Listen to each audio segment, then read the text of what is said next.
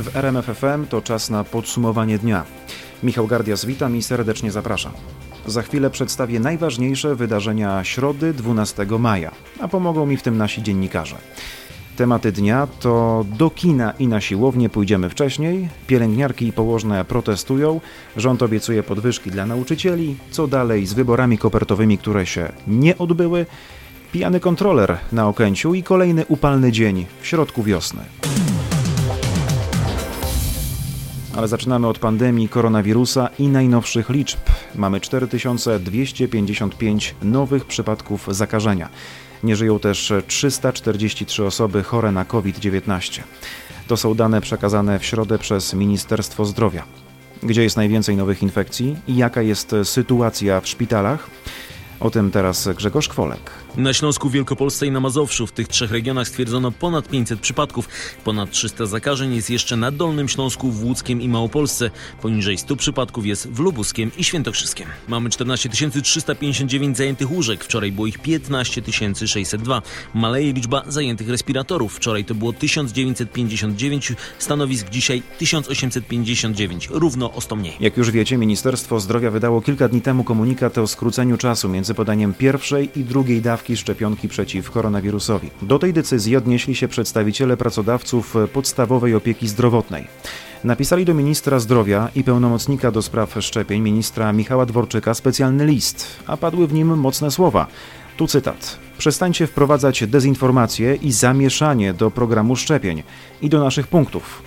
Tym tematem zajął się reporter RMFFM Mariusz Piekarski, który wyjaśnia, jak decyzja o skróceniu okresu między dwoma dawkami dezorganizuje pracę punktów szczepień. Punkty szczepień zamieniły się od wczoraj w call center. Pracownicy punktów szczepień odbierają masę telefonów od osób, które pytają o możliwość przyspieszenia podania drugiej dawki. Wszystko przez y, niespójny komunikat rządzących. Najpierw, że krótsze terminy między dawkami dotyczą tylko szczepionych po 17 maja, a potem, że osoby, które już przyjęły jedną dawkę, mogą spróbować w punkcie szczepień przyspieszyć podanie drugiej.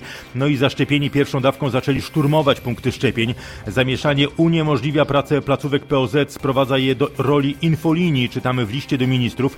Pacjenci chcący zmienić termin już blokują linię osobom potrzebującym udzielenia świadczeń zdrowotnych, grzmi szefowa porozumienia Bożena Janicka. To perspektywa małych przychodni, ale nie tylko, bo pod naporem pytań duży punkt szczepień na Stadionie Narodowym musiał wczoraj komunikować publicznie, że nie dysponuje wcześniejszymi wolnymi terminami na drugą dawkę szczepienia AstraZeneca. Mariusz Piekarski wysłuchał też wczorajszej konferencji prasowej premiera i ministra zdrowia zdrowia padły tam też bardzo ważne deklaracje. Między innymi chodzi o dodatki za pracę przy chorych na COVID dla personelu niemedycznego. To jest jednorazowa wypłata 5000 zł, m.in. dla salowych, noszowych czy kierowców karetek, czyli dla tych osób, które pomagały na oddziałach covidowych, ale nie zajmowały się leczeniem chorych. Dodatki mają być wypłacane w czerwcu, tak obiecuje premier. Na razie NFZ musi przygotować mechanizm podziału tych środków, bo dodatki będą przysługiwały wyłącznie osobom pracującym w szpitalach lub oddziałach wskazanych do leczenia chorych na COVID.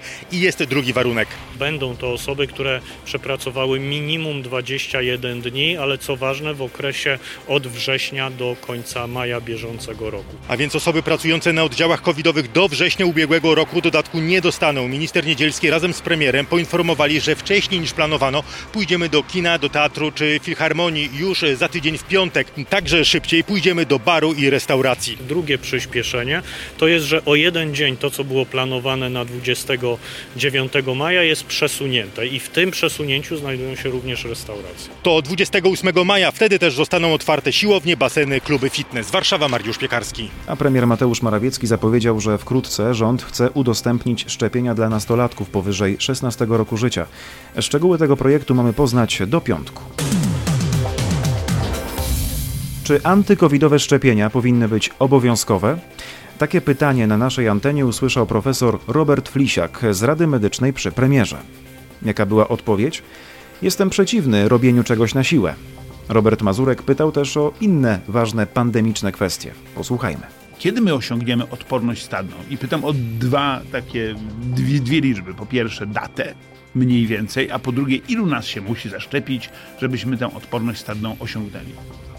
No więc zacznijmy od tego, że te dane nie są takie tragiczne, bo spójrzmy na to z perspektywy całej Europy. Ja pozwoliłem sobie dla potrzeb pewnej prezentacji, którą dzisiaj y, mam zresztą w Polskiej Akademii Nauk e, e, przedstawiać, przygotować takie, taką analizę z całej Europy. E, I jesteśmy typowymi średniakami. Koło nas są e, wszystkie te najważniejsze kraje europejskie e, z podobnymi odsetkami zaszczepionych w przeliczeniu na, na, na milion mieszkańców. Także No dobrze, nie, ale ja nie mówię tego tonem, y, tonem ani krytyki, ani specjalnej pochwały, Tak. tylko to jest tonem informacji. Mówi, ale, ale, ale w wielu, wielu e, wystąpieniach e, słyszymy ta, taką przygamę, prawda, że to za mało, że to tak mało, albo w podtekście gdzieś to brzmi. Nie, Polska szczepi w takim tempie średnim jak, Jak Europa. jak- jak Dobrze, Europa. ale panie profesorze, no, ale wr- wr- wrócę do pytania. Ilu na, z nas, dorosłych Polaków, musi się zaszczepić, byśmy osiągnęli odporność stadną? No pamiętajmy, że na odporność stadną e, składa się niestety na tą chwilę przede wszystkim ta grupa, która miała kontakt z wirusem i wy- wyrobiła, wy- wytworzyła odporność. Niestety pamiętajmy, że e, ta, ta, ta grupa stopniowo z upływem czasu będzie nam się wykruszała. To nie będzie szybki proces, będzie e, powolny. Wykruszała dlatego, bo e, będzie traciła tą odporność. No dobrze, ale profesorze, Y, reszta będzie miała szczepienia. reszta Ilu, będzie- ilu nas reszta- musi się zaszczepić? No więc tak, ta grupa to jest około 50%. E, musimy w związku z tym, żeby osiągnąć 70%, zaszczepić jeszcze 20%. Ale pamiętajmy, że wśród, 70% dorosłych Polaków, tak? Dorosłych Polaków jest w tej musi chwili... nabyć odporność. Musi nabyć odporność. Albo przez 50 już ma, bo miało kontakt z wirusem. 50% Polaków? Ale, ale, ale wśród tych szczepionych pamiętajmy, że zapewne połowa, o ile nie więcej, też już przebyła. Dobrze, profesorze, mamy z tym, 31 de facto milionów musimy- dorosłych Polaków mniej Musimy więcej. przynajmniej 40% zaszczepić, żeby osiągnąć te Czyli 70%. jeśli dobrze liczę, to co najmniej te 20 milionów, o których mówił y, premier Morawiecki, powinno być zaszczepione. 20% milionów. Polaków. No to nam jeszcze trochę brakuje. Panie profesorze, dobrze, w tej chwili otwierane będą szkoły y, podstawowe, szkoły średnie. E, Niektórzy już się obawiają, że to spowoduje jakiś gwałtowny wzrost y, mm, zachorowań. Inni uspokajają, że gwałtownego nie będzie, że będzie nawet nieznaczny. E, To ja zacznę trochę od tyłu najpierw. Czy młodzież powinna być szczepiona? No, tak, oczywiście, że powinna być szczepiona. Wtedy tylko, gdy Europejska Agencja do Spraw Leków e, zatwierdzi szczepionki, e, dokona zmian w charakterystykach produktów leczniczych, wtedy natychmiast powinno być wdrożone szczepienie e, wśród stosownych grup wiekowych młodzieży i dzieci. Znana nam z seriali o handlarzach narkotyków amerykańska agencja e, do spraw leków już zatwierdziła szczepionkę Pfizera dla wszystkich e, e, powyżej 12 roku życia. Myśli pan, że u nas będzie podobnie? Tak, myślę, że Europejska Agencja jest e, niestety z pewnym opóźnieniem zawsze w stosunku do FDA, ale to jest myślę kwestia dni. Cały wywiad Roberta Mazurka, jak zawsze, dostępny jest na naszej stronie rmf24.pl. Jak słyszeliśmy w tym fragmencie porannej rozmowy w RMFFM, profesor Robert Flisiak odniósł się do szczepień osób powyżej 12 roku życia. A za nami bardzo ważna konferencja w tej sprawie, której przysłuchiwała się nasza brukselska korespondentka. Europejska Agencja Leków zamierza wcześniej ogłosić swoją opinię w sprawie preparatu Pfizer-BioNTech właśnie dla tych, którzy ukończyli 12 rok życia. A przypomnę, że obecnie mogą go przyjmować osoby, które mają co najmniej 16 lat. Ze szczegółami teraz Katarzyna Szymańska-Borginą. Gdy firma Pfizer-BioNTech składała w zeszłym tygodniu dokumenty potrzebne do oceny, to zakładano, że decyzja agencji zapadnie w czerwcu. Poinformowano nawet o tym w komunikacie. Teraz Marco Cavalieri z Europejskiej Agencji Leków ogłosił przyspieszenie. Zamierzamy przyspieszyć tę procedurę, więc będziemy mogli przedstawić opinię z końcem tego miesiąca. Agencja potwierdziła także, że plan Komisji Europejskiej w sprawie leków na COVID-19 jest realny. Przypomnę, Komisja chce, by do października były dostępne na unijnym rynku trzy lekarstwa, a do końca roku kolejne dwa. Agencja poinformowała również, że bardzo uważnie śledzi dane dotyczące indyjskiego wariantu koronawirusa i stwierdziła, że są obiecujące dowody na to, że szczepionki typu mRNA byłyby w stanie zneutralizować ten wariant. Środa upłynęła pod znakiem protestów pielęgniarek i położnych. Przyjechały one do Warszawy ze wszystkich województw. Chcą podwyżek wynagrodzeń, ale nie tylko. Chodzi przede wszystkim o poprawę warunków pracy. Chciałybyśmy, żeby wreszcie zaczęto ten zawód pielęgniarki właściwie traktować w sposób i z szacunkiem. Społeczeństwo nas traktuje z szacunkiem. To jesteśmy wdzięczni społeczeństwu, że nas naprawdę doceniają, szanują, no ale tu jest potrzeba coś więcej. Społeczeństwo nam nie może dać tego, czego my chcemy, tych wynagrodzeń właściwych, takich, na jakie zasługujemy. Czerwoną kartę dajemy. Karteczkę, czyli czerwona kartka dla rządu. Dla rządu. Tak Piłce to nożnej z boiska, prawda? To były pielęgniarki ze szpitala Przybyszewskiego w Poznaniu. Dziennikarze pytali w ciągu dnia ministra zdrowia, czy pielęgniarki mogą liczyć na wysłuchanie, no i spełnienie tych postulatów. A przypomnę, chodzi m.in. o wyższe wynagrodzenia. Szef resortu zdrowia odpowiedział tak. Absolutnie tak. My bardzo ściśle y, współpracujemy. Dialog dotyczący wynagrodzeń prowadzimy nawet w takim cotygodniowym rytmie od lutego, kiedy spotykamy się i na forum zespołu trójstronnego omawiamy potencjalne zmiany wynagrodzeń. Nawet zostało podpisane porozumienie, które e, sankcjonuje taką pierwszą turę, jeśli można powiedzieć, która będzie miała miejsce od lipca tego roku, a tą turą są gwarancje dla minimalnych wynagrodzeń. Przypomnę, że wcześniej, pod koniec zeszłego roku, wprowadziliśmy też taki stały mechanizm indeksacyjny dla minimalnych wynagrodzeń, również pielęgniarek, ale również innych zawodów, więc my systematycznie w dialogu wykonujemy taką pracę i tutaj też dziękuję również paniom pielęgniarkom za to, że te rozmowy są prowadzone w bardzo konstruktywnej atmosferze. Słuchajcie, RMFFM na pewno będziemy weryfikowali te zapewnienia i podawali jak zawsze tylko rzetelne informacje. A pozostając w temacie m.in. podwyżek, na takie mogą liczyć nauczyciele.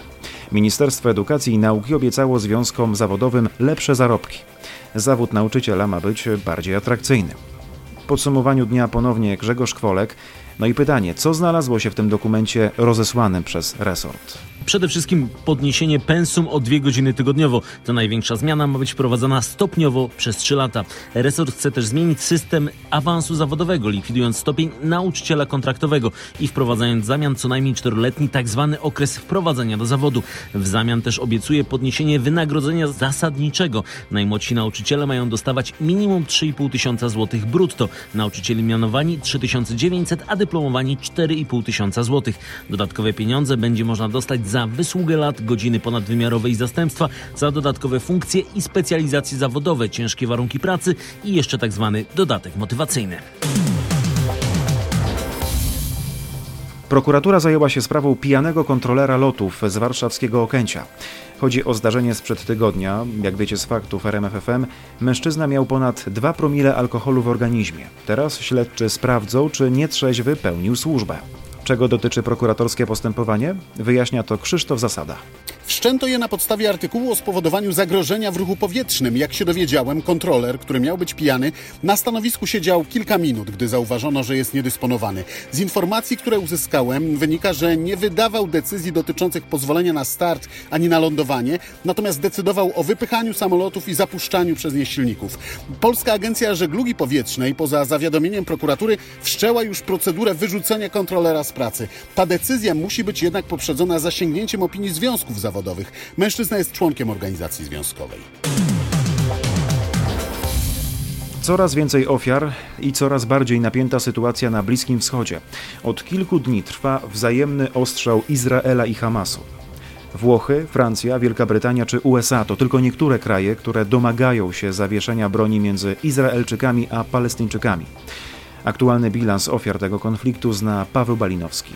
W gazie po izraelskich nalotach odwetowych zginęły co najmniej 53 osoby, w tym Izrael mówi o 16 bojownikach Hamasu. Niestety wygląda na to, że wiele ofiar to palestyńscy cywile. Co mam powiedzieć, to zbrodnia, to nie są wojskowi, to kobiety i dzieci. Oni po prostu tutaj byli, nie należą do żadnych bojówek, to cywile śpiący w swoich domach. Mówił jeden z mieszkańców strefy gazy. Po stronie Izraela jest minimum sześć cywilnych ofiar. Armia poinformowała też o śmierci 21-letniego żołnierza. Miał zginąć od rakiety wystrzelonej ze strefy. Izraelska armia mobilizuje sprzęt i ludzi przy granicy z gazą. Na filmach dostępnych w internecie widać na przykład transportowane w tamtą stronę czołgi.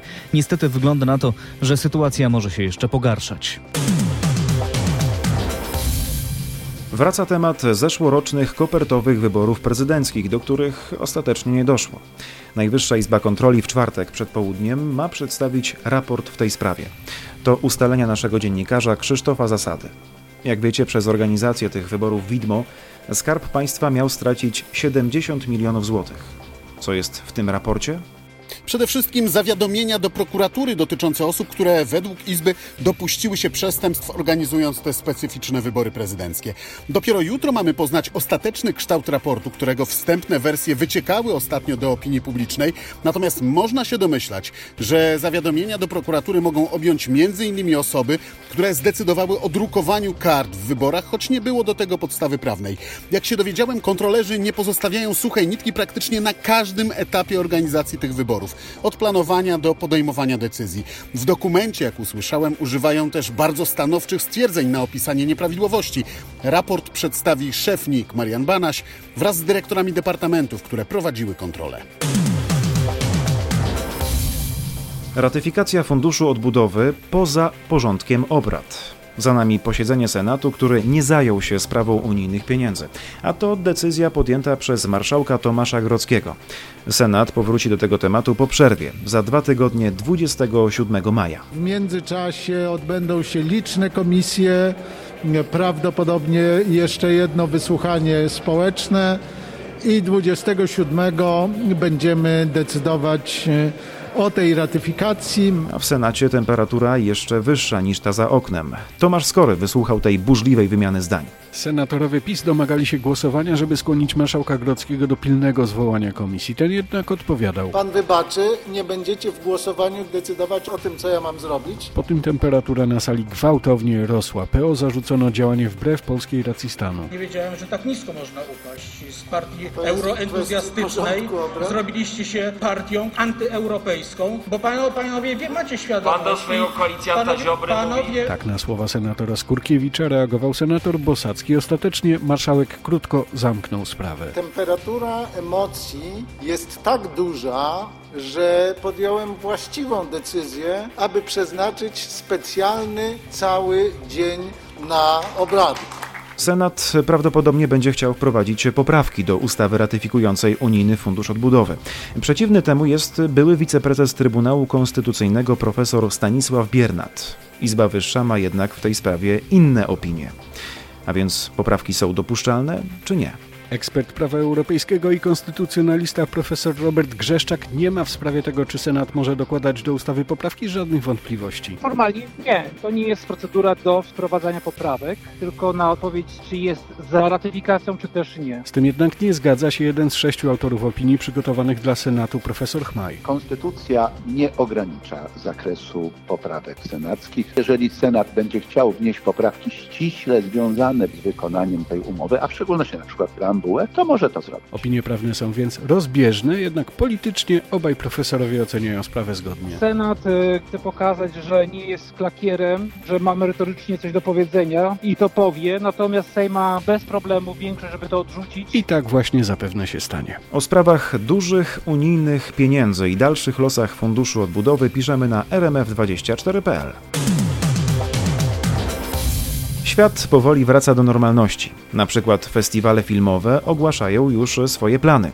Jak mówi nasza dziennikarka z redakcji kulturalnej RMFFM, Katarzyna Sobiechowska-Szuchta, no fani kina naprawdę mają powody do radości. To prawda, festiwal w Berlinie wraca w plenerze już za niespełna miesiąc. Filmy będzie można oglądać w kilkunastu punktach miasta, m.in. w stworzonym specjalnie na tę okoliczność kinie plenerowym na Wyspie Muzeów. Cannes niebawem ogłosi swój pełen program. Będzie też e, na, będzie ten festiwal na początku lipca, nie online, a szefem jury ma być Spike Lee. Organizatorzy Międzynarodowego Festiwalu Filmowego w czeskich Karlowych Warach też zaproszą artystów i gości. W sierpniu każdy uczestnik będzie musiał być albo zaszczepiony, albo mieć negatywny wynik testu.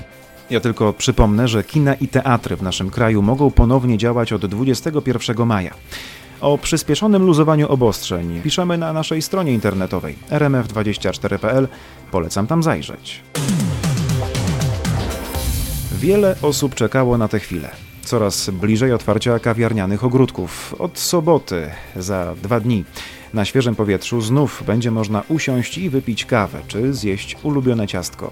Na zakopiańskich krupówkach już nie brakuje turystów, tylko samych ogródków jeszcze tam nie ma. A dlaczego? Okazuje się, że właściciele lokali gastronomicznych do ostatniej chwili czekają z wystawieniem stolików i krzesełek.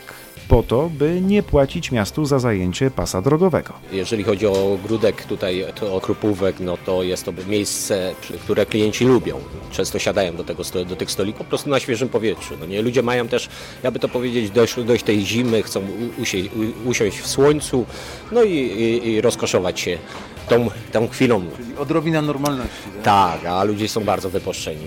Bardzo potrzebują tej normalności, te, tego kontaktu z bliską osobą, czy też z obcą osobą. Brakuje tego miejsca, w którym można by było usiąść na spokojnie, jak na przykład schodzę z gór ze szlaku, no to zostają mi takie tu ławeczki po środku, i tam, ale to nie ten klimat. Albo w rękach, ale sposób podania też nie jest taki, jak powinno w tych opakowaniach plastikowych. To nie to samo. Czyli już nie czekamy na ogródki. Bardzo. Tak, no na pewno będzie, no musi być przecież. Proszę pana, już czekam od października, wszystko będzie otwarte. Czekamy z utęsknieniem. Tak. Ale na razie nikt nie wystawia. No bo dopiero wszyscy będą w sobotę rozkładać. Samego rana albo w piątek wieczór. Żeby nie płacić dodatkowych pieniędzy jeszcze za te trzy dni. A raczej wątpię, żeby było jakieś ulgi czy coś w tym stylu. Tak. Pogoda dopisuje, to bardzo fajnie usiąść na ogródkach, na świeżym powietrzu. Czyli tęskni się już troszkę za tymi ogródkami? No co? bardzo, bardzo. Się zdziwiliśmy w sumie, że tu można usiąść. Jedyna chyba restauracja, gdzie można tutaj usiąść. Przyjechaliśmy trochę odpocząć i miło usiąść e, w środku na spokojnie. A na zewnątrz pewnie jeszcze chętniej. Po takim czasie to stęsknieni. Te głosy zebrał nasz reporter Maciej Pałachicki. Słuchacie podsumowania dnia w RMF FM, no i to był bardzo ciepły dzień. Nad Zatoką Gdańską było nawet 25 stopni Celsjusza, a nad morzem od kilku dni absolutne lato w środku wiosny. Więcej osób wybrało się na spacer, zaczęło plażować, a byli i tacy, którzy wskoczyli do wody. Słonecznie, bezchmurnie, wiecznie. Mewy skrzeczą, dzieci się bawią, biegacze biegają, psy ciągną na smyczy swoich panów, więc rewelacja. Właśnie, skoro takie głosy się pojawiają, no to nie można tego podsumować inaczej. No, dzieje się. Pogoda coraz piękniejsza. Jejku, jest pięknie, naprawdę ostatnio taka była brzydka pogoda, a od kilku dni naprawdę jest super. Widać, że dużo osób już się opala, pływamy ją, no biegać można. Super. Pani biegnie gdzieś widzę. No biegnę, biegnę, gorąco jest, ale super. To już takie wakacje pełną gębą widzę. No na ostatku, przed powrotem do pracy. Bo jest jakiś namiocik, parawanik, Tak, tak, tak. Jest babeczka z piasku. Jest. Jakaś jest. Zaczynamy się uczyć. Najważniejsze, że słońce jest, nie? No dokładnie, ale chyba niedługo ma być brzydko, nie? Także korzystamy dzisiaj, że ostatni dzień takiego słoneczka. Trzeba się cieszyć tym, co jest tu i teraz. Dokładnie. Troszeczkę wieje, ale jest przyjemny wiatr, yy, świeci su- super słońce, także bardzo przyjemnie. Nie za gorąco. My tu z synem, o proszę, syn podaje piłeczkę, bawimy się. Widzę, że słońce takie, że trzeba się aż pod molo schować w cień.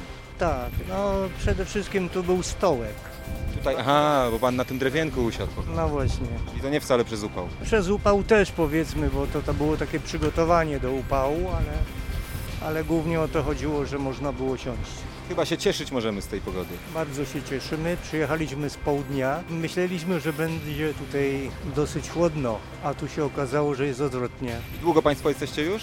No, trzy dni. O, to tak od trzech dni jest ciepło właśnie, to pan przywiózł, rozumiem. Mhm. No właśnie. Do kiedy pan zostaje?